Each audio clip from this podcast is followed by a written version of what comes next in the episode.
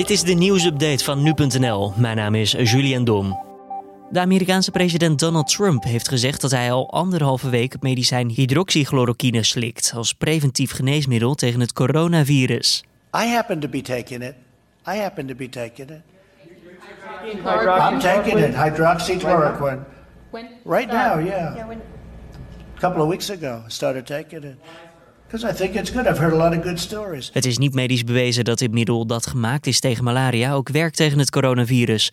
Gebruik van het medicijn brengt risico's met zich mee voor onder meer zwangere vrouwen. Dokters waarschuwden daarom al eerder voor verkeerd gebruik ervan.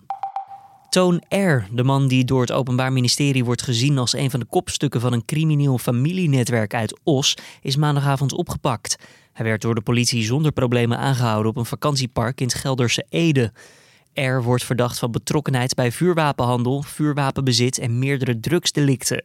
Het OM ziet hem dan ook als een van de meest gezochte mannen in Brabant. De politie in Myanmar heeft een drugsvangst gedaan met waarde van honderden miljoenen dollars. Daarover schrijft BBC. Het is de grootste drugsvangst in Azië in tientallen jaren tijd. De vangst betrof onder meer 300 kilo heroïne en 200 miljoen crystal meth tabletten. Ook werd er 163.000 liter aan chemicaliën gevonden. Die werden gebruikt om de illegale drugs te maken. Bij de operatie zijn in totaal 33 verdachten aangehouden. Paleontologen van het Argentijnse Museum voor Natuurwetenschappen hebben de 70 miljoen jaar oude resten van een megaraptor gevonden. Het is waarschijnlijk een van de laatste vleesetende dinosaurussen die op aarde heeft geleefd. Megaraptoren lijken op de Tyrannosaurus rex, maar ze waren dunner en hadden lichamen die meer gebouwd waren voor snelheid. Megaraptoren hadden daarnaast een lange staart die hen hielp in balans te blijven.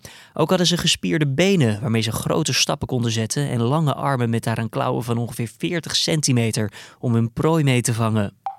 Nederlandse jongeren zijn over het algemeen gezonder en gelukkiger dan jongeren in veel andere Europese landen.